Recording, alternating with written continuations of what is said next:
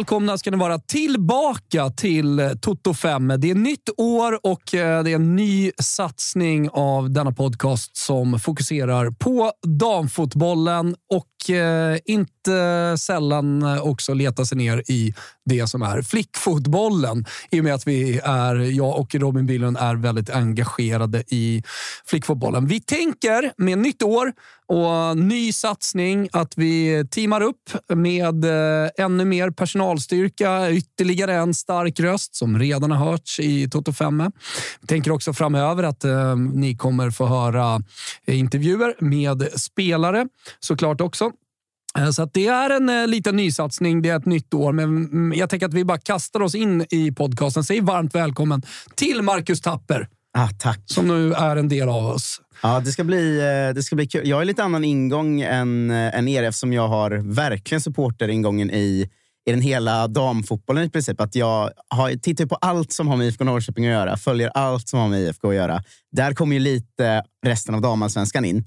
Har bra koll på liksom landslag, men det är ju inte mer än så. Så jag, jag är ju i läroprocessen som supporter. Så det kommer mycket... Jag står för känslorna, säger vilken fet bränning det var och liksom lär mig längs årets gång, tänker jag. Eh, resterande saker. Och är det inte lite så, Robin, att vi alla, oavsett om du är sportchef, eh, klubbordförande eller tränare, så, så lär vi oss hela tiden kring damfotbollen i och med att utvecklingen är så stark och den går så otroligt snabbt. Ja, men så är det ju verkligen. Och nu eh, vad sparkar vi igång vårt eh, tredje år av eh, Toto 5 och går man tillbaka och lyssnar så, så kan jag, alltså, om jag bara föreställer mig det i mitt huvud i alla fall, så pratar vi om en sak för tre år sedan, eller två år sedan. Det var en sak förra året och det kommer att vara annat nu. Det, det har hänt och händer så jävla mycket hela tiden. Så den där läroprocessen är väl vi alla mitt inne i. Och det jag tycker är skönt, som jag tycker ändå att vi någonstans kan klappa oss lite på ryggen och räkna hem var väl att vi kände att det började mullra igång någonting redan för två år sedan. Och det känner man väl att det sannoliken fortfarande gör och eh, ute i Europa framförallt så, så händer det ju saker hela tiden och vi, vi går ju fram som ett jävla ånglok. Jag tyckte, jag lyssnade på, jag var med för lite mindre än ett år sedan första gången här och eh, skulle prata om, om IFK Norrköping inför eh, derbyt mot Linköping. Och jag hörde verkligen hur lite koll jag hade på resterande lag då. För att i det avsnittet hör man ju en man som bara sett IFK Norrköping som sitter och skriker att Lovisa Gustafsson kommer göra 15 mål och vi kommer köra över den här jävla serien. Och, och liksom, nu när jag hörde ett år senare så är det så uppenbart att där och då hade jag ju i princip bara sett IFK och då, i det fallet i elitettan då. Så jag hade ju liksom inte riktigt tagit in hur mycket starkare Piteå, Linköping, Rosengård, Hammarby... Alltså, jag hade inte tagit in förhållande skillnaden där riktigt. Men, Nej, men... men man, bara det, om jag ser min utveckling på ett år så eh, så, så är den stark tror jag i, i förståelsen för, för eh, Men du dundrade ju också in här och sa Nildén har gått till Häcken. AIK släpper ytterligare en ung spelare som dessutom är AIK i ja, själ och hjärta. Det hade du inte sagt för ett år sedan. så att eh, supporterskapet eh, föder ju också ett intresse. Mm. Och det, det, är klart att det gör skillnad att IFK Norrköping gick upp i allsvenskan. Mm. Eh, och då, då, då blir det dels roligare, men också mer intressant såklart. När, där de bästa svenska spelarna, och inte bara, mm. faktiskt spelar. Man följer ju ens... Eh, all... Det är, så, så, det är väl så du är i Toto-svenskan också, som, ja. ur supporterperspektivet så att säga. Men så blir det. Man följer ju sitt lag och då blir ju alla... I det här fallet blir ju i grunden alla andra lag som också finns i herrallsvenskan blir ju rivaler på något sätt. Mm. Och därför följer man ju ganska mycket till exempel det som händer i Malmö nu med deras dundersatsning på, mm. på unga spelare och allt som de håller på med. Så att man, man får ju liksom koll på de andra bara för att man vill på något sätt att IFK Norrköping ska vara de som liksom gasar ifrån lite. Och så här, på ett sätt är vi ju ett, ett av de tre lagen kanske som först började satsa riktigt mycket på våra damer. Men nu kommer ju satsningarna bakifrån som är, kommer vara svårbromsade. Så Malmö om några år till exempel kommer ju de kommer att köra över om, inom fem år. Men vi satt ju, jag och Robin, du kommer ihåg det, när vi startade podcasten så satt vi och pratade lite lätt om Malmö. Eh, och då mm. var det väl, men vänta bara tills de kommer upp i allsvenskan. Men eh, för också elitettan, de blir en del av SEF och de ja, blir på riktigt en eh, elitfotbollsförening även mm. på damsidan. Då kommer det gå ganska snabbt upp hela vägen till toppen. Och det kanske inte har varit någon svår profetia. Alltså att ha en glas klar eh, kristallkula kring liksom Malmö FF eh, för två, tre år sedan. Alltså, man vet ju vad den klubben är och vad de vill. Alltså det är hela vägen till toppen så snabbt som möjligt och sen så vinna multipla SM-guld och ute i Europa. Precis som på här sidan. Det har de ju varit tydliga med i sin satsning också. Nu är de i elitfotbollen, eh, Robin, och de värvar.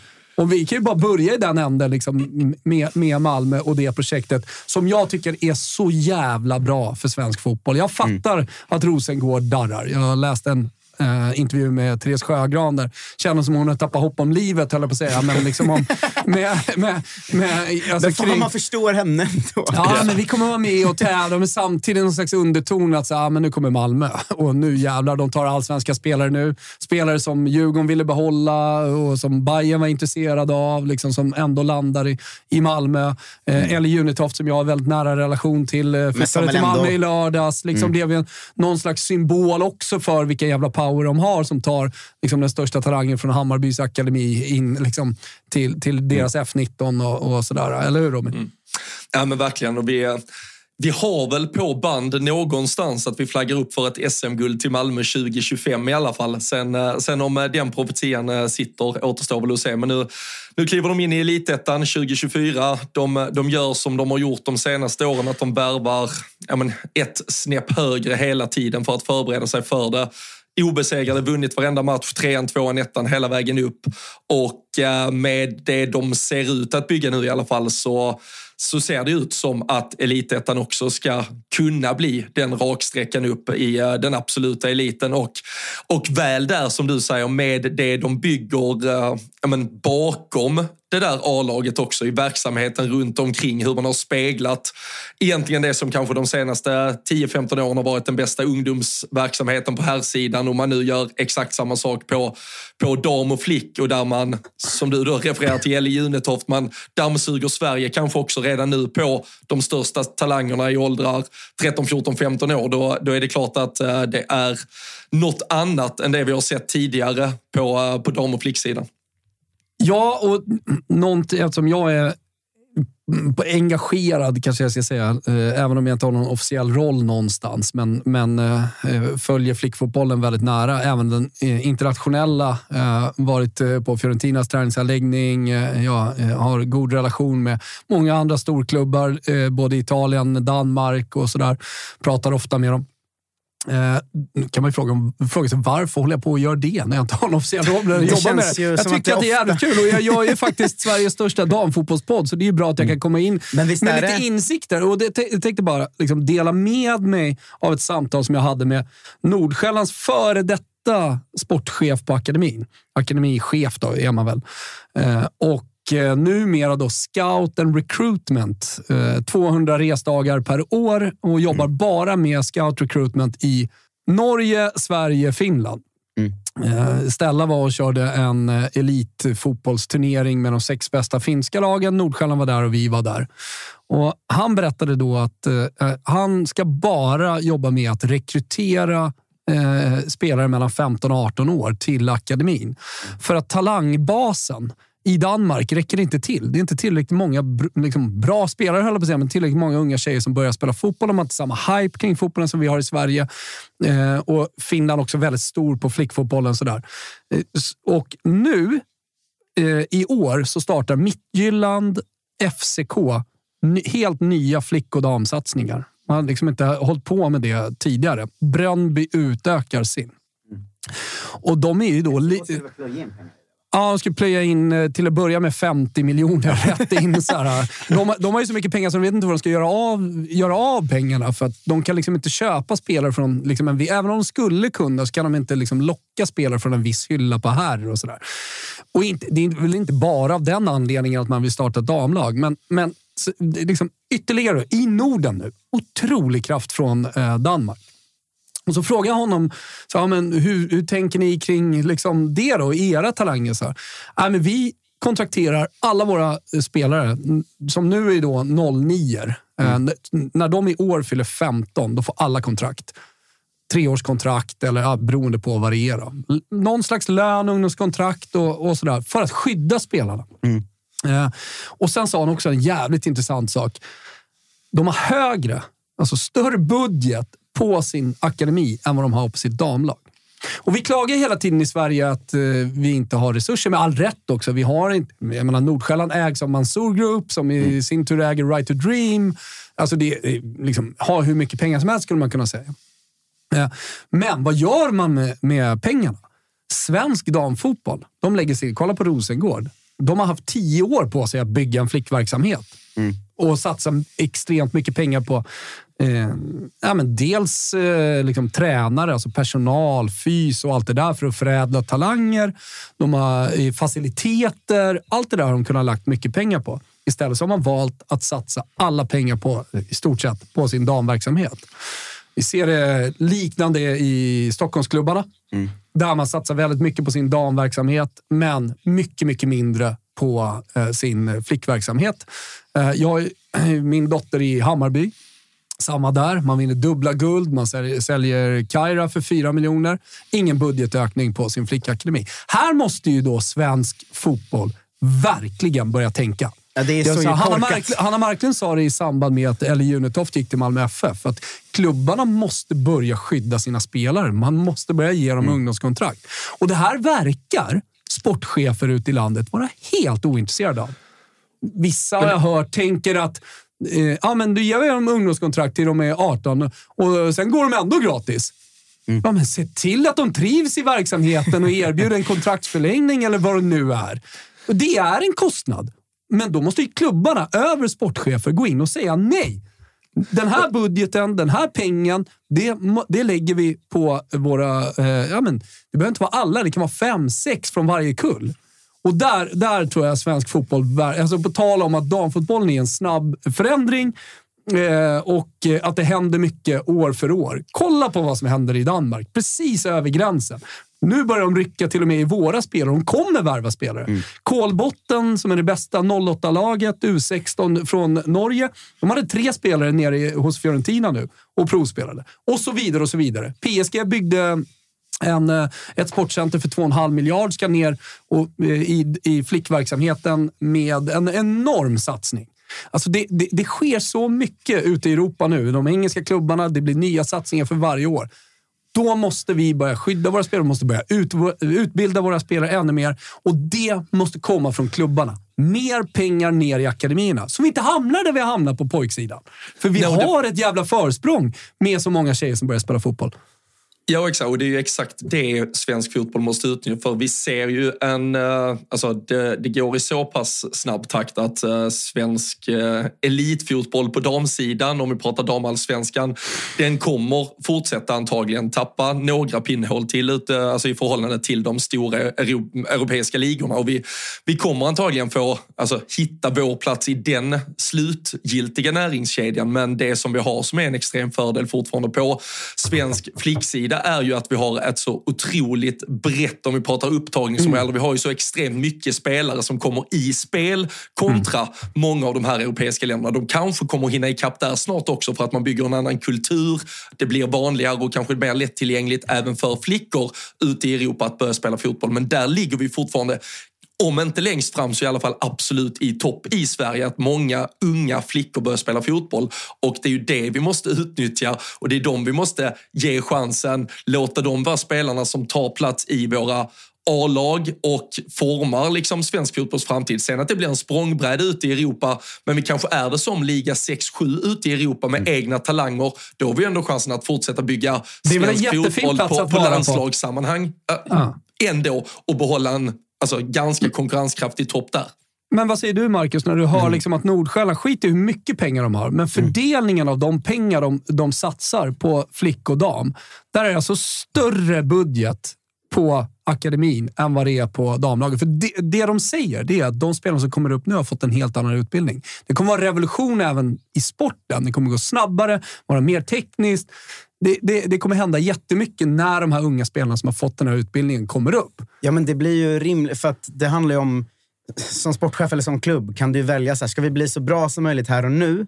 Eller ska vi bygga något som håller om 5, 10, 15, 20, 25 år? Mm. Och där är ju svensk fotboll överlag alltid sämst. Mm. Alltså, man, man, sitter ju ofta och tittar på hur klubbarna jobbar och tänker så här, förstår de fotboll mindre än jag gör, som mm. poddar om det lite? Mm. Alltså hur kan det vara så? För att alla förstår väl att de bra spelarna vi har här och nu, de kommer antagligen inte vara i klubben om tre, fyra år, säger vi då. Mm. Men om vi bygger en akademi så att det kommer upp tre nya bra spelare varannat år, säger vi då. Mm.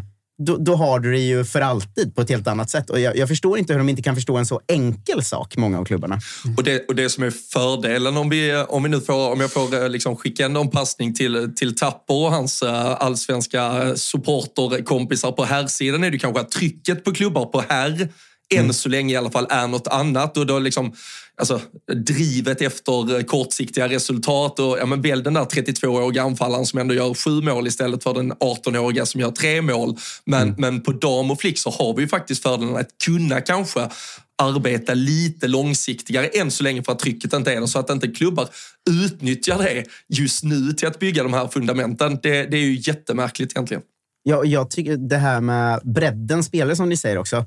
Det är intressant att vi liksom inte nyttjar det. För så är det ju i seniorfotbollen nu, att även de stora ligorna får ju, måste ju typ fylla ut med svenska spelare för det finns inga spelare kvar. Alltså jag tänker Lovisa Gustafsson till exempel mm. nu, som hon, hon, var helt okej, okay, inte riktigt tillräckligt bra för att vara hos oss i vår satsning. Hon går till en spansk klubb för att de behöver mm. spelare. Och att vi inte lyckas liksom utnyttja mer, varken i i försäljning eller i talangutveckling att vi har en sån jävla bredd i, i mängd bara. Mm. Det är ju konstigt. liksom. Mm. Och jag tror att det handlar väldigt mycket om att det är föränderligt och, och att vi på liksom klubbledningsnivå, sportchefsnivå inte riktigt hänger med. Och eh, vi tänker alldeles för kortsiktigt vinna titlar. Eh, nu ska vi kanske ut i Europa eller vad det nu kan vara mm. och, och, och spela Champions League. Eh, och att vi då liksom blir lite förblindade av det och får lite hybris liksom kring det. Och Då måste vi helt plötsligt börja värva landslagsspelare från andra länder för att hålla mm. den här satsningen. Det kan man ju såklart göra, man måste hitta mix i det. Men framförallt alltså, budskapet från min sida, alltså det jag ser, så som jag ser på liksom, eh, eh, damfotbollen överlag, ur ett liksom, eh, utzoomat per perspektiv, så är det ju att de spelarna som kommer upp nu, oavsett vilket land det är i, för att nu satsar alla. Tjeckien mm. satsar, Slovakien satsar, Polen satsar. Alltså det, det, det, det, kommer upp så jävla mycket bra spelare. Det är ju att de kommer mycket bättre än de som spelar seniorfotboll idag. Ja, men Polen, alltså, generellt, Polen kommer inte bli något. nej, men, men, vi har fan mött ett, ett, ja. no, några liksom, riktigt bra polska lag. Men det är roligt när man, ser, när man tittar på liksom bara de, skillnaden mellan de som är 17 och 20 och 20 och 23 och 23 mm. och 26. Att de som är yngre, det är ju alltid en lite högre teknisk grundnivå på dem för att det blir bättre och bättre. Det tycker jag man mm. ser bara man kollar på IFK Norrköpings 17-åringar spela, mm. så de är inte lika bra som liksom A-lagsspelarna såklart. Men det finns en annan liksom, grundteknik och grundförståelse mm. i dem på ett sätt. Så mm. det går ju så snabbt som du säger att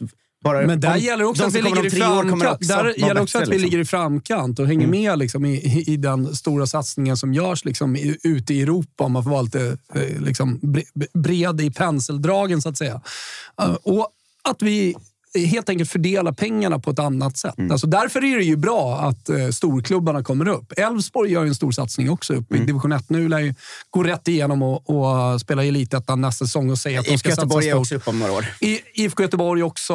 Eh, de hade ju oturen att hamna i samma division 1-serie som Malmö FF. Ja, ja. Då. Det var ju omöjligt för, förra året. Men Malmö kommer till nästa år, så att säga. Eh, AIK gick upp, vilket är bra såklart. Eh, mm. Storklubb eh, upp och de verkar ju satsa ungt. Vi kanske gör lite nedslag nedslag om ett tag liksom, i vad som har hänt. Mm. Eh, men, men då måste vi också fördela resurser. Klubbar måste sätta sig ner och säga nej, du får inte så här mycket pengar till eh, liksom, budget. För att vi mm. måste lägga ytterligare två miljoner på vår akademi och på vår ungdomssatsning ja. för att få in mer resurser där. Men det ska bli intressant att se hur snabbt det går nu faktiskt med, med klubbutvecklingen tycker jag. För att kolla Vittsjö och Piteå de här. Alltså, man sa ju för ett år sedan att det kommer bli svårt för dem över tid att hänga på de klassiska herrklubbarna. Men redan nu så, vi går in och värvar Piteås lagkapten till nästa säsong mm. och eh, om två år kommer ju Jag tror, jag tror ju att de klubbarna, Rosengård, Piteå, Ja, men Vittsjö, Vittsjö eh, alltså kommer få problem. Om några år kommer ju alla deras bästa spelare antagligen vara i Malmö, Häcken, Hammarby, kanske AIK, kanske mm. IFK Norrköping. Sådär. Mm. Och det, det, ska bli, det känns ju som att det redan, bollen har redan rull, börjat rulla mycket snabb, snabbare än jag trodde mm. den skulle. Jag trodde att det var om tio år kommer det se ut så. Mm. Nu känns det som att det kan vara tre år bort. Ja, men det, händer, det, det händer saker varje år. Och då gäller det att hänga med, eller hur? Robin? Nej men absolut, alltså det går vi bara till och tittar tillbaka på säsongen som gick så, så är det ju ett uh, IK Uppsala som uh, lämnar, det är ett Kalmar som uh, lämnar, det AIK och Trelleborgs eh, FF som kliver upp istället. Eh, så, så där ser vi ju ett, ett första litet steg och tittar vi på hur det ser ut i, i elitettan eh, kommande säsong och lag som kanske riskerar att åka ur så, så lär vi väl kunna se förändringar på ytterligare då ett, två lag upp och ner där det är den här tydliga fördelningen dubbelklubb där man har den etablerade här sektionen sen tidigare som, som tar allt mer plats. Sen kan väl någon liksom, romantiker i en tycka att några av de här, Kristianstad kanske generellt framför allt som alltid har varit så otroliga på, på damsidan ändå förtjänar sin plats mm. där och att man ändå vill hitta sätt att ha dem kvar. Men, men det kommer ju vara svårt när vi nu kanske är kvar på en fyra, fem av de där klubbarna och där är som ni säger ett Elfsborg, ett Göteborg, där är ett par till som ska upp. Det, det kommer vara svårt att uh, ge plats. Och det blir ju tyvärr inte bättre av om man tittar på sättet IFK Kalmar avslutar förra säsongen på heller. Där, där klubben liksom imploderar och spelar eh, F19-spelare och man kan egentligen frågasätta hela den sportsliga integriteten som kommer med att vi har lite för små ekonomier. Eh, om man är lite taskig och hårdragen kring det eh, uppe i eliten. Mm. Det, det, är lite för ja, kanske lite för riskabelt för svensk elitfotboll att det är den typen av lag som är där uppe. Jag kommer ju, om de försvinner, sakna Vittsjös kultur väldigt mycket. Den är jag ju extremt förtjust i. Att, Vad tänker du då? då? Ja, men hela deras grej, att de lyckas, lyckas locka till sig ja, dels australienska landslagsspelare och sånt, men, men bra spelare från andra hyllor genom att de har liksom ett gäng pensionärer och volontärer som liksom hjälper dem att passa barn och laga mat åt dem och bygger verandor åt dem. Och liksom här, allt, det där är ju verkligen den svenska man säger, det, det, är liksom, det är Åshöjden, fotbollen på något sätt. Och det är charmigt. Det är romantiskt. ja, det är superromantiskt. Så, att man hoppas ju att något eller några sådana lag lyckas liksom klamra sig kvar lite längre än de borde. För att mm. det, det, det, rör mitt supporterhjärta och jag blir glad annat. Om inte annat så är elitettan också elitfotboll. Mm. Uh, och jag menar, om, om Vittsjö kan fortsätta sin satsning men ligga mm. i elit. Nu tar jag Vittsjö som exempel bara för att du, du nämnde det. Rosengård, vilken, Piteå. De kan liksom hitta sin plats i den nya näringskedjan, om du förstår vad jag menar. När mm. storklubbarna mm. kommer upp, ja då blir ju elitettan jättevacker, precis som superettan i herrfotbollen är härlig med den typen av liksom Åshöjden-klubbar som ja, har gjort mm. saker. Fan, jag känner att jag landar i en oväntad uppmaning nu. Att jag tycker att hela liksom, Hässleholm och den delen av Skåne måste bli bättre på att gå på Vittsjö, omfamna att det är ert lag. Verkligen. För att de är liten by där det inte bor någon. Alltså det bor ju färre på Vittsjön det är i den här studion. Liksom. eh, eh, men om Då är hela... Kalle här, ska sägas också. exakt. Eh, men om hela liksom, Hässleholm och sånt börjar sluta upp så att det skulle vara mycket folk på matcherna och allt är fullt och sådär. Vilken, vad mäktigt det hade varit. Det är min ja, uppmaning idag till alla Hässleholmare som lyssnar. Ja, alltså uppmaningen. Alltså, det är, vi, vi, sitter mycket med våra telefoner och vi kollar mycket fotboll på tv och vi kollar mycket tv generellt sett. Alltså att, eh, ta sig ut och kolla på damfotboll 2024 måste ju vara liksom årets grej. Man ska alltid försöka hitta årets eh, julklapp, men sen så mm. dog ju det när, när liksom den egenstickade, eh, det egenstickade plagget liksom vann. Men årets grej inom fotbollen måste ju vara att gå mer på eh, damfotboll. Mm, det, alltså, det också... finns ju en damfotbollsklubb i, i, din närhet, i allas närhet, ja. mer eller mindre. Och sen så är det, det, är inte de värdena bara man vill trycka på. Man vill trycka på att det, det är fett och att det börjar komma in sport och allt sånt också. Men det är ju också jävligt mysigt med damfotbollen. Svanen, alltså... Svanen sa att det fanns en starkölsbar på, bar på Skytteholm. Ah, så att jag, han och Spången, vi ska ju ha så årskort. Eh, men jag tycker man ska trycka lite på den mysiga faktorn i att gå på damfotboll. Det är faktiskt att så här, det, är liksom, det är liksom än så länge en liten blandning av de här på något sätt. Att det finns de här supporterna som har hittat in, som kanske drar lite bengaler ibland och kör något tifo ibland och har fått igång mycket ramsor och sånt. Men det finns också den här familjära, mycket unga tjejer som hittar nya idoler och allt det där. Alltså, jag tycker det är en jävla mysig stämning runt damfotbollen när man går på den live tycker jag. Så det, det uppmuntrar verkligen. Någon farsa som står och gör hamburgare och liksom, det, ja. det, det finns ett det, Nej, men det, som alla du är ju med och bidrar till en supporterkultur som också mm. liksom är i... Ni i IFK Norrköping tycker jag gått i någon slags bräsch och haka på det som Hammarby har gjort ja. Eh, under Det är så här tydligt lok och en tydlig tvåa bakom. ja, just nu så är det det. Så får man ju se liksom, storklubbarna. Malmö kommer ju definitivt ha ett stort följe kring sitt eh, mm. damlag när de kommer upp också. Hoppas jag att hoppas Djurgården, att Djurgården AIK... Ja. Jag, Spången och Svanen får väl ta fanan liksom, på, på Skytteholm och, och göra någonting bra. Men. Eh, det, det händer ju, på tal om att liksom, det händer mycket, vilken jävla silly season det har varit Ja. och är inom damfotbollen. Eh, är det några, jag tänker att vi kan börja liksom göra personliga nedslag, sånt som ändå har gjort att ni har stannat till, eh, blivit förvånade eller ja, skapat någon slags känsla hos er. Är det några värvningar ni har tänkt på? Får jag börja dra Fanny Andersson då? Ja. Att vi går in och eh, liksom kniper Piteås eh, kapten och nu kan ställa ett centralt mittfält med henne och eh, Myrkato om hon stannar kvar. Det är ju... Eh, Vad snackar kring My då? hon har ju själv gått ut och sagt att hon vill spela i IFK Norrköping, men hon gör det så Kontrakt? pass... eh, hon har kontrakt är det ett eller två år till. Okej. tror jag. Mm. Men, men jag tror att problemet med henne är att hon har gjort det så pass bra och fått känna lite mer på U23-landslag och allt vad det är. Alltså, kom, kommer en klubb från en, do, en sämre klubb i en större liga och rycker, då är det svårt att lyckas behålla. Liksom. Brighton typ. Ja, men exakt. Eh, Men hon har ju varit... eh, Hon, jag tyckte det var fint att hon gick ut och uttalade sig att hon ville vara kvar. Så blev det en artikel av det och då gick hon in och retweetade den artikeln. Så jag vill ändå säga det tydligt. Eh, Men jag menar, Fanny Andersson är ju, en, det är ju något av en skalp. Att vi kommer nia förra säsongen, Piteå kommer fyra va? Eh, Och vi går in och norpar deras 28-årige kapten på det centrala mittfältet. Det, det är klart att det gör ju något med... Ett power move. Ja, men man förstärks ju ännu mer i den här känslan av att eh, spelarna förstår hur framtiden ser ut. För det är ju så också alla nya spelare uttalar sig, att här finns andra förutsättningar och en annan framtid. Liksom. Så att den gjorde nåort med mig. Eh, Det, ändå, det, har också, säga. det har också varit jävligt kallt i Piteå den här vintern. Det kan vara, kan vara att man 40 går minus. Eh, hennes farsa är ju Ola Andersson för övrigt. Eh, Okej. det, det blir också, Ja. Hon kanske vill närmare farsgubben. Ja. Central mittfältare, precis som pappa. Då. ja, exakt. Ola Andersson, nätt liten dragning. Arne Hägerfors kommenterar. Eh, nej, men den gjorde ju något med mig. såklart. Robin, var, det, det gjorde ju såklart ingenting med dig, men eh, det finns andra värvningar. Du får liksom välja fritt lite grann. Så.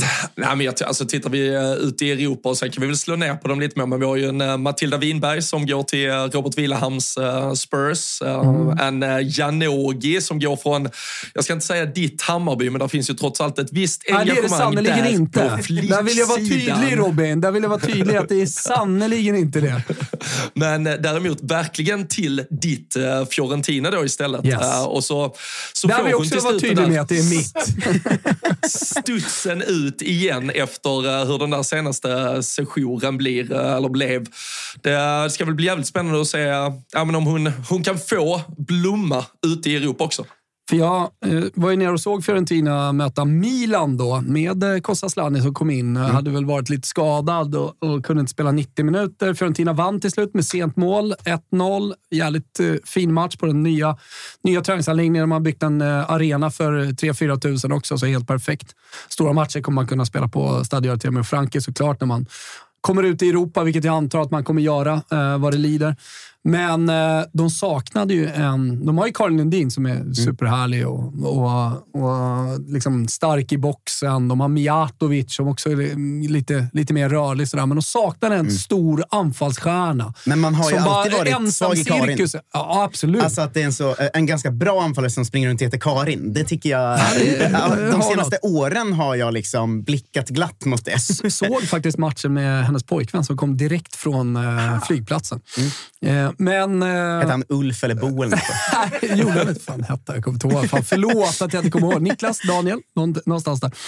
Men eh, de saknar en ensam cirkus. Någon som du bara skickar bollen till och springer och dribblar och, och gör mål och skjuter och, och har sig. Och det blir ju liksom Madde. Du får ju väldigt mycket pengar. Det är sign-on eftersom Hammarby inte hade eh, längre kontrakt än året ut. Eh, så det, det, det, är, en prestigevärvning. Det är en häftig värvning. Det är kul att vi får in en anfallsspelare i liksom en storsatsande liga eh, som går in och är också stor stjärna. Robin.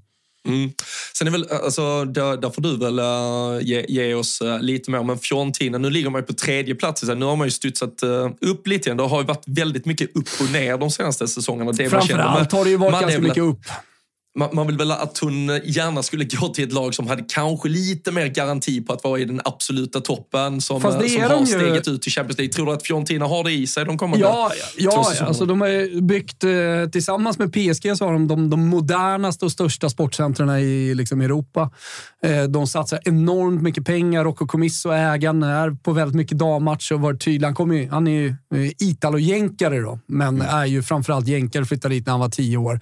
Så att och i USA är damfotbollen så stor och det vill ju han skapa då i, i Fiorentina eh, också. Så det, bara se de faciliteter de, de har eh, och de förutsättningar de har, både på akademisidan men också på damsidan sen, att faktiskt lyckas. Cesare Prandelli sa ju det en gång i tiden att uh, ha ett riktigt bra sportcenter är 7-8 poäng. Ja, sett till det sportcenter Fiorentina har måste ju det liksom boostas upp till 10 poäng då, om mm. hans teori stämmer.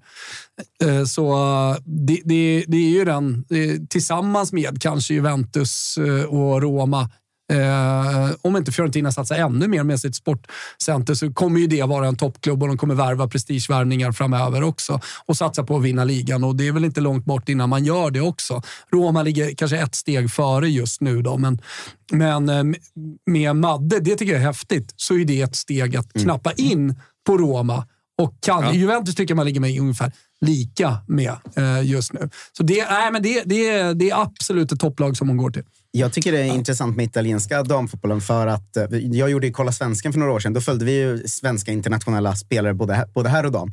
Och då för bara tre, fyra år sedan så var det snacket om damspelarna som gick till Italien att efter ett halvår ville alla hem för det var fullständig mardröm att vara damspelare där. Mm. man blev liksom, det var mycket sexism, det var mycket skit, det var lagen sket också fullständigt i sina damspelare. Sådär. Och den utveckling italiensk fotboll har haft, den är ganska talande för det vi pratat om hela avsnittet bara på några år här. Att nu känns det ju mm. svinkul. Kanske dags att ta igång eh, svenskkollen i den här podden igen. Ja, varför inte? Ja, det, det, det, får du gärna ha som segment, ja. Eh, förbereda inför ja. Eh, varje avsnitt och varje vecka. Så det, det är väl kanon, eller hur Robin?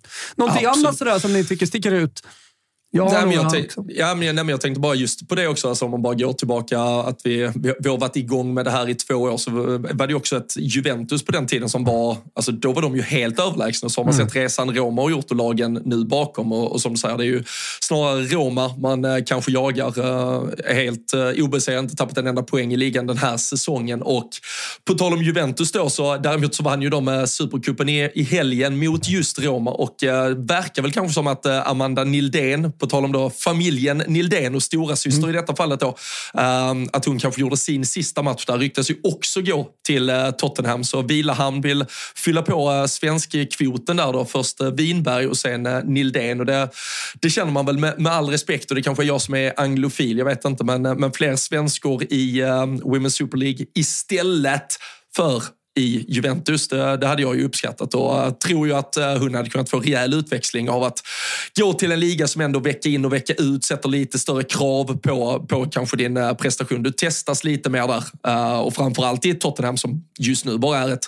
mittenlag så tror jag det hade varit jävligt bra utveckling för, för Amanda också. Så spännande att se om, om den kan gå i hamn. Ryktas väl att det skulle kunna hända i dagarna här. Hon är rolig spelare också, tycker jag. Eh, de få liksom, inhopp och den lilla speltiden hon hade i damlandslaget för några år sedan där, så var man ju man blev liksom instant kär i henne som, som vänsterback tyckte jag att det var eh, exakt ja, det, det, man vill se. Det är väl den alltså, superförenklat så är det den moderna vänsterbacken på ett annat ja. sätt än vad vi kanske har sett i svensk fotboll. Det, det är inte Kristin Bengtsson rakt av i alla fall. Nej, men man blev ju också den här eh, dumma liksom, åskådaren på något sätt. Att det, det, kommer in en ytterback som bara går mycket framåt och man direkt är så, varför startar inte hon varje match? För? Eh, det kommer jag ihåg. Men en övergång till som eh, faktiskt eh, slog hårt. Då. Jag kommer ju vara vinklad mycket mot IFK Norrköping, men vi har ju en Judas i svensk damfotboll nu. Det är ju Vilma Koivisto, startspelare i IFK Norrköping eh, som var en av våra bra spelare förra säsongen, som alltså tar steget till Linköping Football Club. Kommer hon få höra det? Eh, det här kommer nog bli...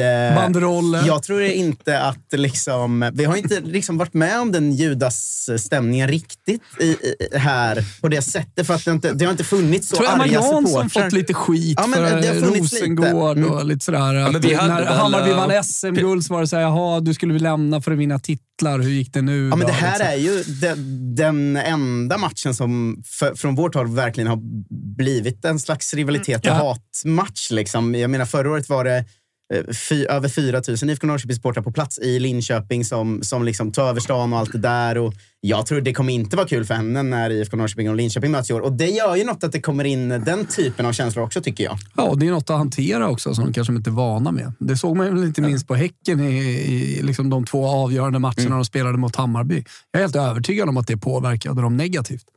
Mm. Ja, vi hade väl, eh, Petronella berättade väl eh, någon gång i eh, poddens linda, hon, hon gick ju från Djurgården till, till Hammarby. Det var väl liksom två pers som hade stått längs en långsida och kallat henne H-ordet till, till slut. Och hon visste inte riktigt hur hon skulle reagera på det, men det, det var ändå lite skönt att det ändå fanns Hon garvade kring det själv, det är därför vi garvar kring det också. Hårdet är alltså Hammarbyare. ja, precis. precis. Ja, men, äh, Hammarby har ju blivit av med spelare, mm. men äh, de har ju också värvat spelare. Äh, Lennartsson, Mm. Såklart prestigevärvning på tal om att liksom, eh, gå från en toppklubb till en annan. Eh, gå ifrån Linköping då till Hammarby. Eh, hon eh, spelade VM-fotboll i somras. Det, det, det, är det är väl lite att sätta ner foten också. Det är roligt att jag på riktigt blev eh, glad av den värvningen. Alltså jag ogillar ju Bayern såklart, men det, jag blev verkligen så. Ja, nu börjar Linköping falla. Rätt åt Koivisto. liksom. Men eh, det är klart att det är väl ännu en sån värvning lite som det vi var inne på för 20 minuter sedan. Att, så här, att Hammarby går in och bara tar en så pass eh, bra spelare från Linköpings sammanhang. Det, det är klart att det också är i, sam, i samma linje liksom, och det är väl så det kommer se ut de närmaste åren. Mm.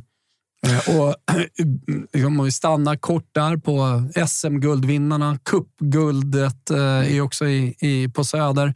Eh, F19 SM så vann de också otroligt framgångsrikt år på, på Södermalm. Så har man ju tagit norskspåret också, Robin. Har du märkt det? Ja, jag har märkt det. Jag har följt att eh, supportrar till, eh, eller som har i alla fall mer inblick i den norska fotbollen, har, eh, har väl också gett lite sina, sitt godkännande på att det är, det är riktigt bra värvningar. Jag, jag, har sett alldeles för lite för att, för att kunna uttala mig där, men, men det känns ju absolut som att de har tittat på etablerade spelare i alla fall. Jag tycker ju att äh, Häckens äh, satsning äh, fortsatt ser, ser klart mycket roligare, mer spännande ut och mer intressant ut. På tal om då en Matilda Nildén som vi börjar med att prata om till exempel, som, som de fyller på med till ett lag som redan har extremt mycket ung talang. Men, men Hammarby verkar väl ändå fortsätta med att vilja bygga en stumme av verkligen etablerade spelare som går rakt in på högsta nivå direkt. Och mm. verkar man väl ha hittat här på, är det två eller tre man har plockat från Norge va? Och så Stina Lennartsson också till exempel. Ja, alla har väl inte koll på de spelarna, men av eh, liksom Spiders och eh, liksom, no, de som har koll på norsk fotbolls röst att döma eh, så är det jävligt bra spelare som man har plockat in mm. också. Eh, vad är den gemensamma nämnaren eh, då? Om jag säger Moa Edrud, Anna Jösendal, eh, Emelie Joramo, Tia Sörbo, Smilla Valotto, Vilde Hasund och Sara Kanutte. Två gemensamma nämnare. Alla spelar i Hammarby, den kan jag ge er. Mm. Och alla eh. kanske har varit förbi Brannes verksamhet. Nej, Jens Wenzel. mm. Samma agent. Ah. ah. Så man har gått vi... på, på samma agentspåret oj, här med ska, de här spelarna. Ska, ska, vi, ska vi starta lilla, lilla agentdjupdykningen här också efter att svensk herrfotboll har haft sin beskärda del under vintern tidigare? Nej, alltså, jag, var inga, alltså, jag, jag bara noterade, för jag såg att det var många, eller såg, men noterade det var, det var, det var en stor norsk satsning. Uh, så var jag tvungen att kolla vad de hade för agent, uh, alla de här norska spelarna som är i, är i Bayern. Ja, det, det är samma agent. Fan, det här Han har gjort bra business med Bayern. Här såg du ett frö som kommer bubbla om alla de här skulle komma in och göra det dåligt nu. Alltså, du vet att de har gått på någon agent som bara “kom och ta mina åtta spelare”. Men hon Jösendal verkar vara riktigt bra. Ja, ja, men det, det kommer alltså, bli superbra. Men jag, jag blir alltid lite... Det, det, vilka av de svenska klubbar man än kollar på, tycker jag. Men det här att det förstärks med så mycket äldre spets utomlands ifrån. Det är väl det, det, det. Nu är det ganska unga spelare ska sägas. De som har kommit in. Både ah, ja, Joram och mm. Gösendal. Men det är väl också en del i det problemet. Och också, också att det är där man satsar pengarna. Mm. Och kommer det över tid vara bra eller kommer det göra att Bayern krossar damallsvenskan i år? Det, det är svårt det att veta. Liksom. Men, men eh, alltså, de har ju trots allt blivit av med ganska tunga ja, ja, spelare. Däremot kan man ju alltså, fråga alltså, hur... Men för jag blir alltså, bara orolig ja, när typ min klubb nu pratar om uh. att så här, vi vill ersätta med anfallare och nu har vi, vi letar efter anfallare eh, utomlands ifrån, från mm. en annan hylla. Och det säga, jo, men, eh, är det rätt väg med en 27-årig bra mm. Mm. tjej som kommer in och gör två bra säsonger nu? Eller så här, jag tror att man måste hitta den här balansen. Ja. Jag är inte säker på att balansen är helt perfekt heller. Eh, men eh, alltså, jag, jag, jag skrev lite på Twitter om det också. Jag, jag har inga problem att prata om det eh, i podden heller. Eh, att man har Smilla Holmberg då till exempel, mm. som är född 06, spelat i klubben sedan hon var sju år gammal. Eh, jag tycker det är helt rätt att värva eh, Stina Lennartsson såklart. Mm. Liksom landslagsspelare och de ska ut i Champions League, så det är bra att det satsas. Men på bekostnad av vad, undrar jag då? Har, har man pengarna? Ja, alltså mm. uppenbarligen har man pengarna. Men och är man beredd att vad, ge Holmberg alltså, fem matcher ändå? Liksom? Ska, ska man liksom gå då för nya titlar och så vidare? Eller ska man lägga mer pengar på sin ungdomssatsning? Mm. och liksom försöka behålla så mycket som möjligt, men ändå ge chansen. Då tycker jag att det blir en symbolspelare här. Nej, ni får faktiskt inte lägga de pengarna på den positionen. För att vi ska satsa på vår unga spelare som är född 2006, Smilla Holmberg. Där är vår mm. satsning. Där kan jag fundera, eh, alltså, där tänker jag, där, där blir det så tydligt också på en position och på en spelare eh, som man har ja, har lagt tid och energi på. Man har fostrat, man har fått upp i A-laget mm. och så vidare. Och så hamnar hon då ner i, i hierarkin. Eh, för jag menar, Även om det ska finnas, det, det, tycker jag ju såklart också i ett lagbygge, ska finnas alternativ. Och att eh, Smilla Holmberg då, i, i det här fallet, kanske inte är startspelare just nu. Ja, men sätter man Stina Lennartsson där, då är det inte så många minuter det kommer roteras på den positionen. Nej, men det blir så här... Och då kanske hon får spela Forirola, spela på en annan position, spela vänsterback som hon har mm. gjort lite. Ja, men kanske inte kan ge 100 procent och, så, och sådär. Det är det jag... Där någonstans hänger inte jag med i, i satsningen. Men det är så svårt att kräva det från en, en sportchef här och nu också, för det man själv är inne på är så här, ja, men mikro versus makro-grejen. Att, eh, vad är bäst för eh, det här specifika laget de närmsta två åren? Eller mm. vad kan se till att eh, svenska lag kan liksom hävda sig i Europa om åtta år? Och det, det, är klart att det är ett jävla krav att ha på en enskild sportchef ju. Men det blir att eh, man... Jag, jag, är alltid en sån eh, supporter som är livrädd för att det ska gå åt helvete om tre år. Liksom. Jag tror man kan applicera det på ganska många svenska klubbar här och nu tycker jag. att eh, Vad värvar vi för egentligen här? Är det för att göra två bra säsonger eller är det för att bygga något bra över tid? Så att jag är alltid grundskeptisk till att så mycket byggs på utländska stjärnvärvningar snarare än, än, än svenskt eget och ungt. Liksom. Mm. Hur tänker du där Robin? Det, det jag pratade om, liksom att eh, liksom fylla på på positioner. Och man vill ju som ett Champions League-lag ha alternativ mm. och där toppalternativet såklart är på landslagsnivå. Eh, så bra är ju damallsvenskan. Eh, men eh, tar man hand om de unga spelarna då? Och hur, hur, hur många dem får speltid? Liksom? Hur många får speltid och så vidare?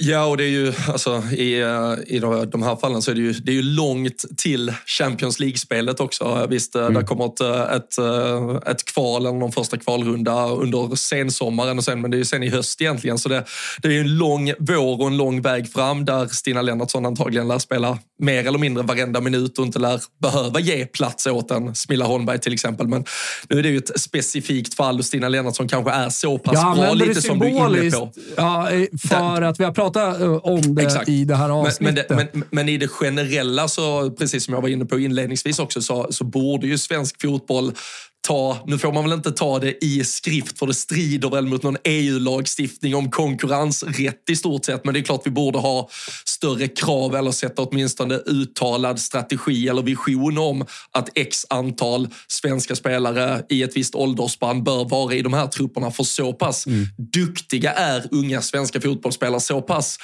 om man ursäktar, låg kvalitet håller också damallsvenskan att de här spelarna kan gå in där istället för att, som vi är inne på, eller som du nämner Tapper, att vi plockar någon 27-åring som har gjort sju mål i Sparta Prags eh, reservlag i stort. Alltså det är klart att vi bör se efter vår egen talangutveckling och Det hade varit jävligt dåligt hantverk att ta in en eh, reservlagsspelare från Sparta Prag.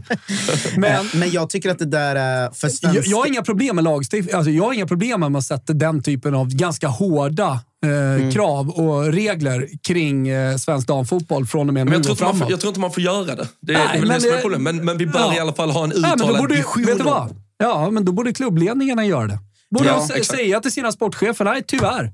Men det, här det, är, det här är det som gäller. För det, vi satsar på, uh, på vår akademi. det som jag tänker i det här är ju att liksom svensk herrklubblagsfotboll är ju kört. Liksom. Alltså, den, ja, ja, det, det kommer aldrig kunna sen. bli något. Nej. Svensk damfotboll är inte körd än. är ju inte körd. Den har ju här och nu chansen att hänga på, precis som Robin var inne på förut, bli sjätte bästa ligan Och är man det, har, kommer det kunna vara så att ett svenskt lag kan studsa i Champions League någon gång ibland med lite rätt flyt och eh, ta sig ut i något annat Europasammanhang som det kommer väl vara som herrfotbollen om några år, att det finns eh, mm. eh, att det är hundra lag som spelar i Europa varje säsong. Liksom. Men, men jag menar, om man lyckas etablera sig där och lyckas satsa rätt nu, då kan man faktiskt vara en kraft och, och räkna med i bakgrunden ganska mm. många år framöver. Men det känns ju inte som det är dit vi är på väg om det är så att eh, det ska vara en 27-årig kanadensare som värvas in som anfallare snarare än att det är någon 18-årig svensk som är lite, lite de sämre. De kryddorna liksom. ska så, såklart finnas i världens eh, sjätte, sjunde bästa liga. Ja, men det måste alltså, vara kryddor. Det kan inte vara bara det. Nej, exakt. Och eh, återigen, vi får inte glömma bort våra akademier, för det är där vi liksom utvecklar eh, nästa mm. generation spelare.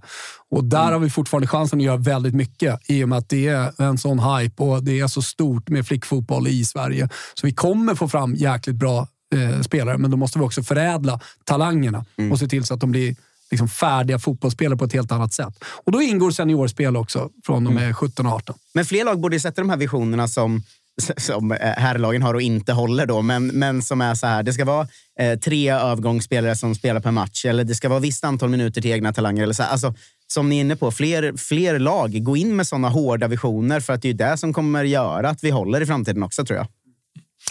Ja. Ja, vill du säga någonting på det eller ska jag gå över till Team of the Year? Det tycker jag. Ja, då säger jag så här. Hörrni, vi är i den tiden på året där det är dags att presentera årets upplaga av Team of the Year, även kallat TOTI. Det är ett betalt samarbete tillsammans med FC24. Om det är sagt så är det dags för oss att presentera våra Team of the Year tillsammans med FC24.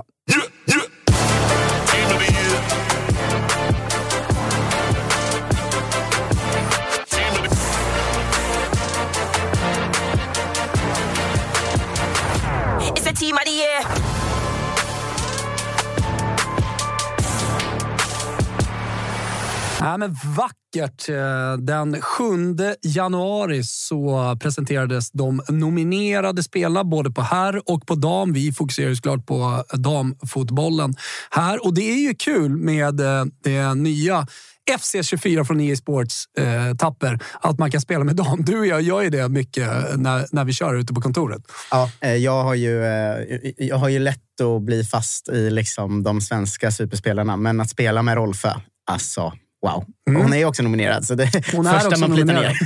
och det, det, här är kul eh, och vi vill såklart uppmana alla att gå in och eh, nominera. För det är nämligen så att eh, från och med idag den 9 januari så är röstningen öppen på EA Sports hemsida. Ni hittar via våra sociala medier länk direkt in så ni även kan rösta på dam. Och den 19 januari, då presenteras vinnarna av Team of the Year. Men nu är det dags Robin. Du och jag har tagit ut varsin 11. Det är 4-3-3 ska säga som gäller och den formationen är man fast i. Det går liksom inte att ändra. Det blir enklast så, tänker jag, att eh, de vill ha det. Fokus på en målvakt, alltså fyra försvarare, tre mittfältare, tre anfallare. Jag har mitt lag framför mig här. Du får gärna börja. Ska vi börja bakifrån? Det, det känns väl eh, mest eh, korrekt i sammanhanget. Och jag, jag, jag försökte ju där också, som du säger. 4-3-3 är de ju stenhårda med och eh, de har ju klassificerat spelarna. Så är det en anfallare, då kan man liksom inte ens trycka in den där anfallaren och tycka att ja, men en nummer 10-position på mittfältet hade väl kunnat fungera här. Utan man måste ju förhålla sig till de Eh, nominerade då i olika kategorier.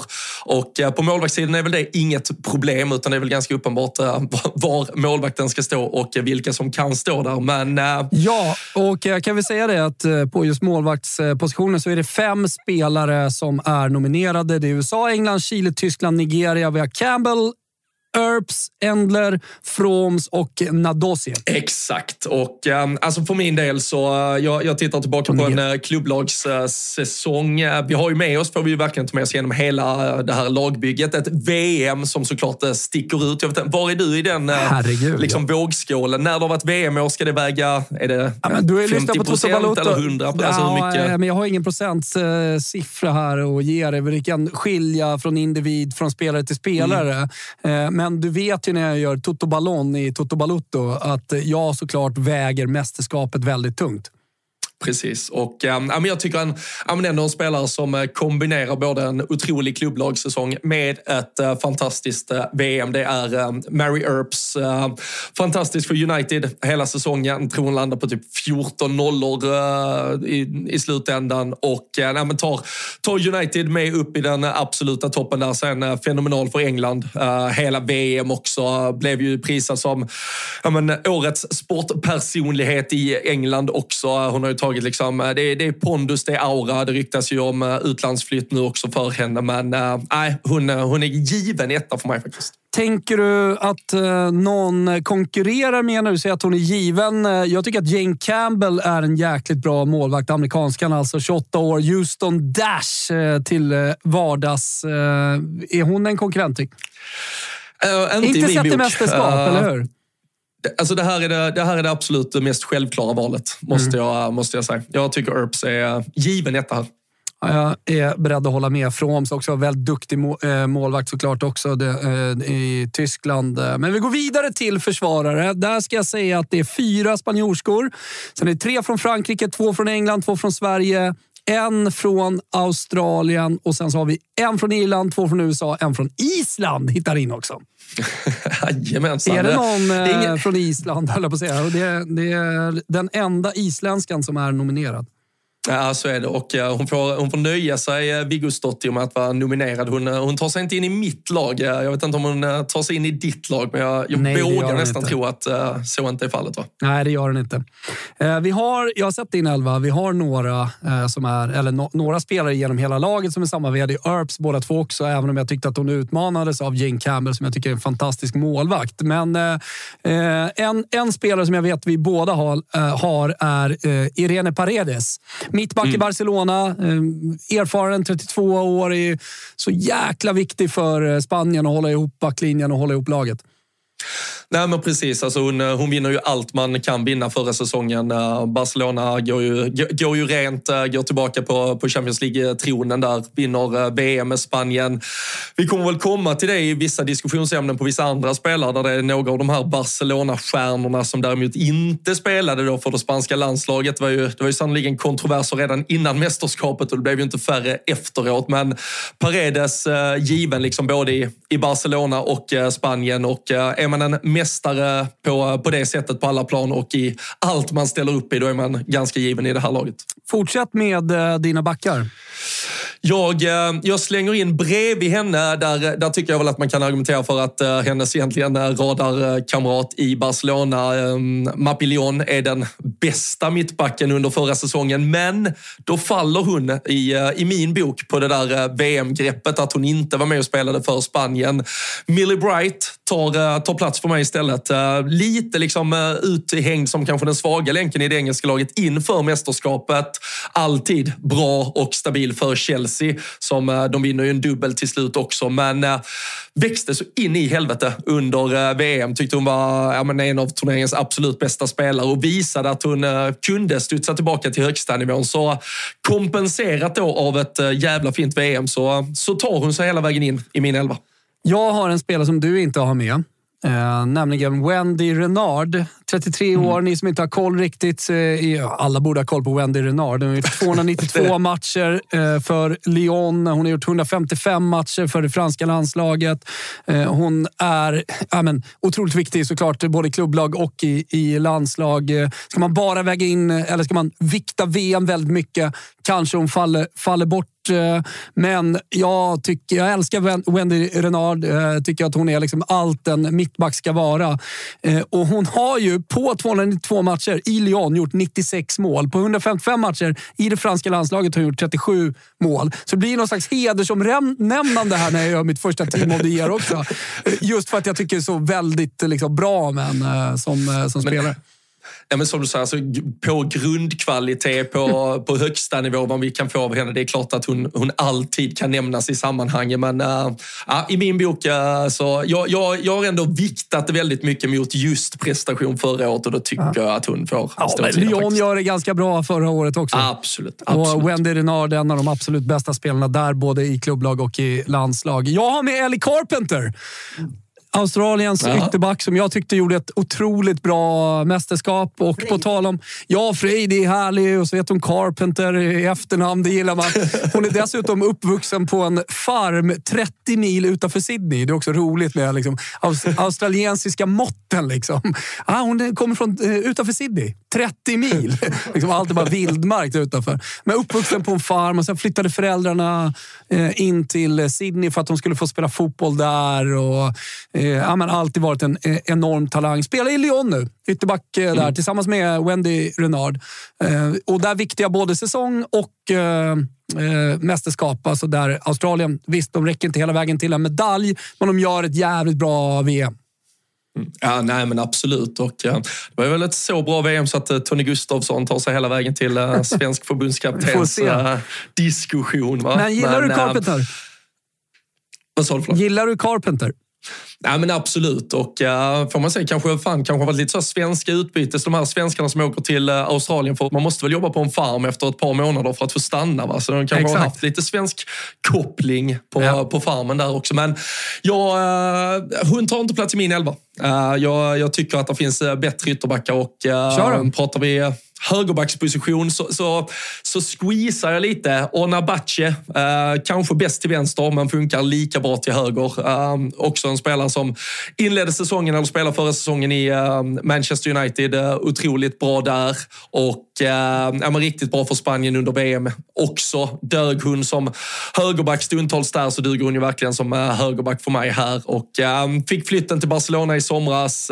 Fortsätter liksom bara växa ytterligare. Det, det är lite Barcelona-dopat men, men det är klart att det, det, det är väl också med rätta det kan vara det när det är världens bästa klubblag. På tal om Barcelona-dopat Eh, så tar jag in en svenska på vänsterbackspositionen. Sett till att eh, Sverige tar faktiskt ett brons eh, i det här mästerskapet. Eh, hon eh, har ju svårt lite med positionen, eller hon har inte svårt med positionen, men Gerhardsson har lite svårt att hitta liksom, rätt var hon ska spela för hon är en så stor stjärna. Spelar vänsterback i Barcelona som är ett framåtlutat lag som har mycket boll, så hon överlappar ju mycket och blir ju ibland nästan anfallare eh, som vänsterback så att säga i, i Barcelona.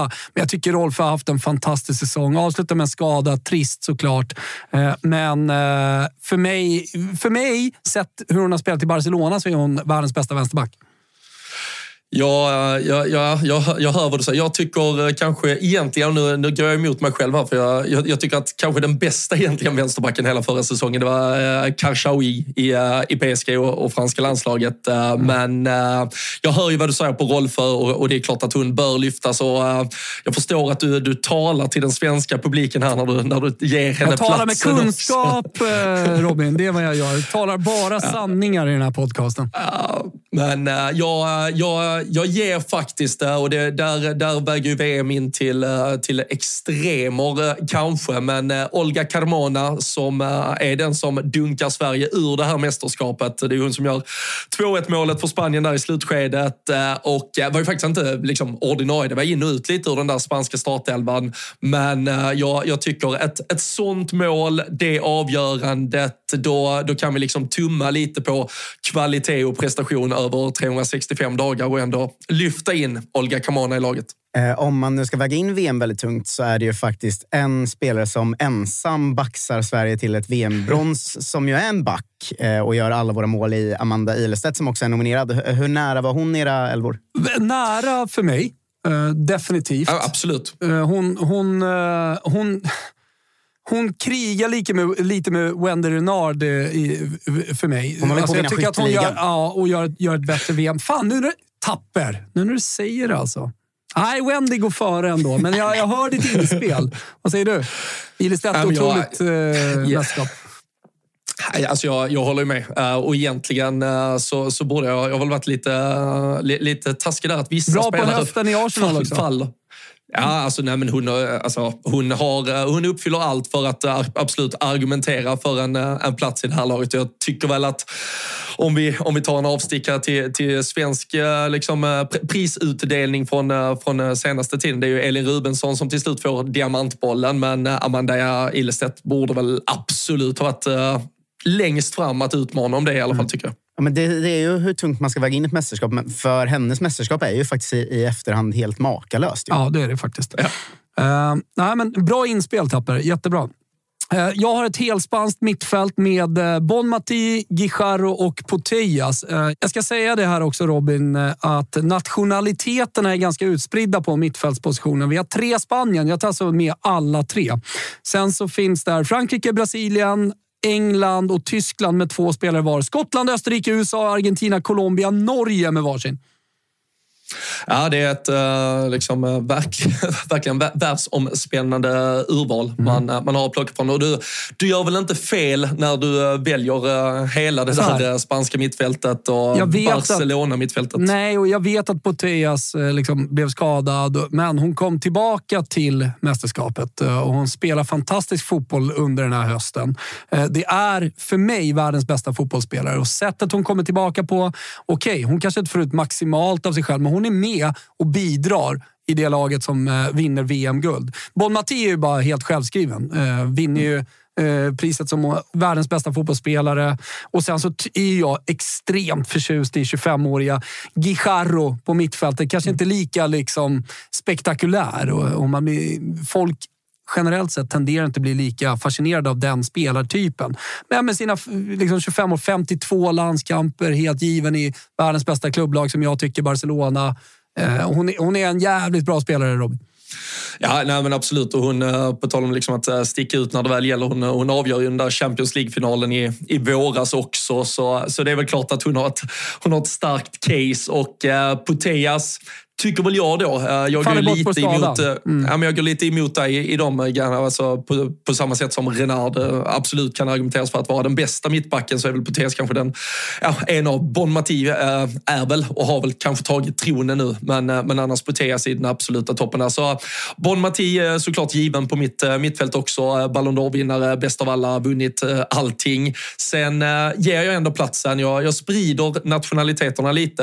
Kira Walsh, kanske kanske allra, allra bäst eh, för, för ett år sedan egentligen. Men fick flytten till, till Barcelona förra sommaren, gått in där och sett till så att det mittfältet liksom har ändå blivit ännu bättre genom att få ha henne som eh, balansspelare där. Man, eh, man går tillbaka då och vinner Champions League där, där det är hon och Bon Mati och Patri eh, Guijarro då som, som oftast fick spela med Putellas borta. Och eh, ja, men tycker ändå att, att hon, med tanke på att England också tar sig hela vägen till finalen, en hel nation höll andan när hon, när hon skadade sig där längs vägen men, men kom tillbaka, kunde spela. Så Bon Mati, Kira Walsh, eh, sen tycker jag det är lite svårare med ett, eh, med ett tredje namn där, men jag ger faktiskt platsen till Lena Oberdorf mm. som eh, på, ja, på kvalitet och uh, Wolfsburgs uh, framfört hela vägen till finalen senast och, och sådär också i Champions League. Så uh, tyska mästerskapet var en uh, rejäl besvikelse, men uh, Lena Oberdorf är, det är fan alltid kvalitet. Det var lite så också i och med att Alexia Poteas måste opereras igen här nu. Eh, så det kanske är sista gången som jag får chansen att rösta in henne i ett Team of the Year. Och således så kommer hon in här hos mig. Det, jag tyckte det, det kändes du, bra du jobbar hedersomnämnande, men det, det, det hedrar dig för ja, att du ändå lyfter jag tycker, fram Jag tycker man kan göra det, Robin. Jag tycker det. Det, det får man absolut göra. Anfallare, där finns fyra engelska spelare. Eh, och sen så har vi tre från USA och Tyskland, två från Spanien och Frankrike och sen har vi Polen, Jamaica, Australien, Colombia och eh, jag säger så här, Australien, Colombia med varsin. Sen så letar sig Kundananji in och Chawinga letar sig in. Mm. Norge har två spelare. Ja, och, eh, och där, där var väl egentligen jag, jag hade ju gärna för att få plats med min, min ursprungselva så hade jag väl eh, velat kalla Caroline eh, Hansen för, för någon form av tia eller väldigt flexibel mittfältare som jobbar sig ut i, i ytterpositioner. Eh, då hade jag nog eh, haft henne istället för Lena Oberdorf och gett plats till tre mer eh, renodlade strikers. Men när jag inte får den chansen och ändå vill ha kvar Caroline Hansen i laget så, så får jag upplåta en anfallsposition till henne. har, har liksom, det, det har varit upp och ner kring henne och det har varit mycket turbulens kring landslaget och dessutom då vid, vid sidan av hon har varit in och ut och det har varit en spelare som kanske inte alltid mått så jävla bra senaste tiden. Men när hon mår bra och när hon eh, spelar bra, då visar hon ju varje gång att hon är kanske bäst av alla. 10 plus 10 har hon alltså under hösten i ett Barcelona som, som slaktar allting. Och äh, men, när hon är bra, då, då vet jag fan om hon inte är bäst av alla i den positionen. Så äh, hon tar plats i mitt För mig hittar Lauren Hemp, 23 år, Manchester City in. Det, det är aldrig fel med, med Lauren Hemp. Jag vet vi var, vi var tidiga på, mm. att, på att lyfta hennes framfart. Lite där, det också jag gillar. Att vi har liksom, det har varit en spelare som vi har följt här i Toto 5. Ja, men verkligen. Där, vi, kan, vi kan komma till det. Det finns ju en annan Lauren jag tycker jag kanske skulle varit... Men, ja, hon är inte med just nu. Vi har båda med Diani. Ja. Och vi pratar alltså, på tal om förbjudna flytt flyttar eh, Tapper. Hon har alltså gått från PSG till Lyon. Spelat länge i PSG och nu är 28 år gammal så har hon gått till, eh, till Lyon. Jävla kraftfull otrolig spelare. Nej men verkligen och eh, steg ju fram eh, i, eh, i, i avsaknaden stora stunder av uh, Katoto i, i både i PSG och i Frankrike så, så lyfte hon ju rejält under förra året. 17 mål på 17 matcher för, för PSG, gör fyra mål på fem matcher under VM för Frankrike flytten nu till Lyon visat att hon kan anpassa sig jävligt bra i det anfallet också. Blivit lite mer av en framspelare till, till en viss då annan norska i Ada Hegerberg som har öst in mål igen här under hösten och eh, Diani har eh, åtta assist eh, på, på den här hösten med 10-12 matcher. Liksom. Så det, kan, kan göra allting. Både agera framspelare och målskytt och ja, men, given i en, i en fronttrio. På tal om att vara lite sentimental och ta med skadade spelare, just nu skadade spelare, så har Sam Kerr hittat in i mitt uh, Team of the Year. Ja, och, och där kan vi väl, om, alltså, någon, om någon har missat mm. det så uh, korsbandsskada igen här uh, bara på träningsläger med Chelsea och mm. så det. Hon har fan tre korsbandsskador har hon sen, uh, sen hon slog igenom. Uh, varit, varit med länge nu, 30 även om hon bara är 30. år gammal. Ja. Jag tror, men, ja, men sättet hon liksom uh, kämpar sig tillbaka och ändå med och bidrar med Australien uh, i, i, på hemma-VM. Uh, eh, när hon kommer in där, scenerna, liksom, hon gör comeback i VM från skada. Jag tyckte det var så otroligt vackert. Och sen, sen är hon ju... För, för mig är hon världens bästa nia när, när hon är skadefri. Ja, och det, det går väl kanske inte att argumentera emot heller, så det, det köper men jag ju Men jag är ett bra år också, måste vi säga. Ja, men säg Absolut. att hon gör ett eh, nästan lika bra år som de som gör det bästa. Då kan man ju också ge ett slags eh, Lifetime Achievement Award när hon också har det här skadeproblemet. Ja, men jag har ju tagit med en i varje Man kan ledas in av en sån anledning. Liksom. Ja, Wendy Renard eh, och sen så har vi Poteas och Sam Kerr. Ni ser den röda tråden. du, ja, du, du bygger en centrallinje som vi absolut kan argumentera liksom är som också den är bästa skadad, vi har sett kanske... de tio senaste åren i damfotbollen. Liksom. Exakt, exakt. Så, så, så du, eh, du, det, det är svårt att säga att du gör fel. Men eh, jag, jag upplåter faktiskt min, eh, min centrala anfallsposition till eh, äh, Kadia Shah. Ehm, 20 mål på 22 matcher i Women's Super League förra säsongen.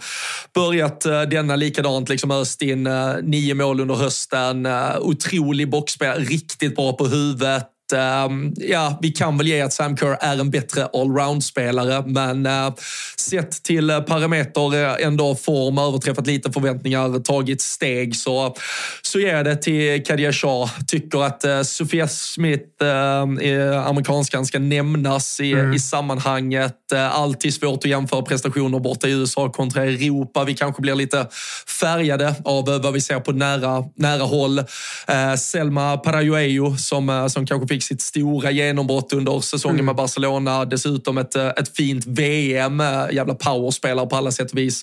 Ska väl in där också i snacket. Så mm. um, det, det, är många anfallare tycker jag som eh, det, det var det absolut svåraste att ta ut det här året. Och vet ni vad ni alla ska göra? Ni ska gå in och rösta fram ert lag. Ni går in på EA Sports hemsida. Ni hittar länkar via våra sociala medier. Röstningen är öppen från och med idag, 9 januari, fram till den 14 januari innan den 19 januari. Eh, vinnarna av Team of the Year presenteras. Så gör det och så säger vi stort eh, tack till EA Sports FC24. Team of the Year. Kul varje år när det kommer. In och rösta.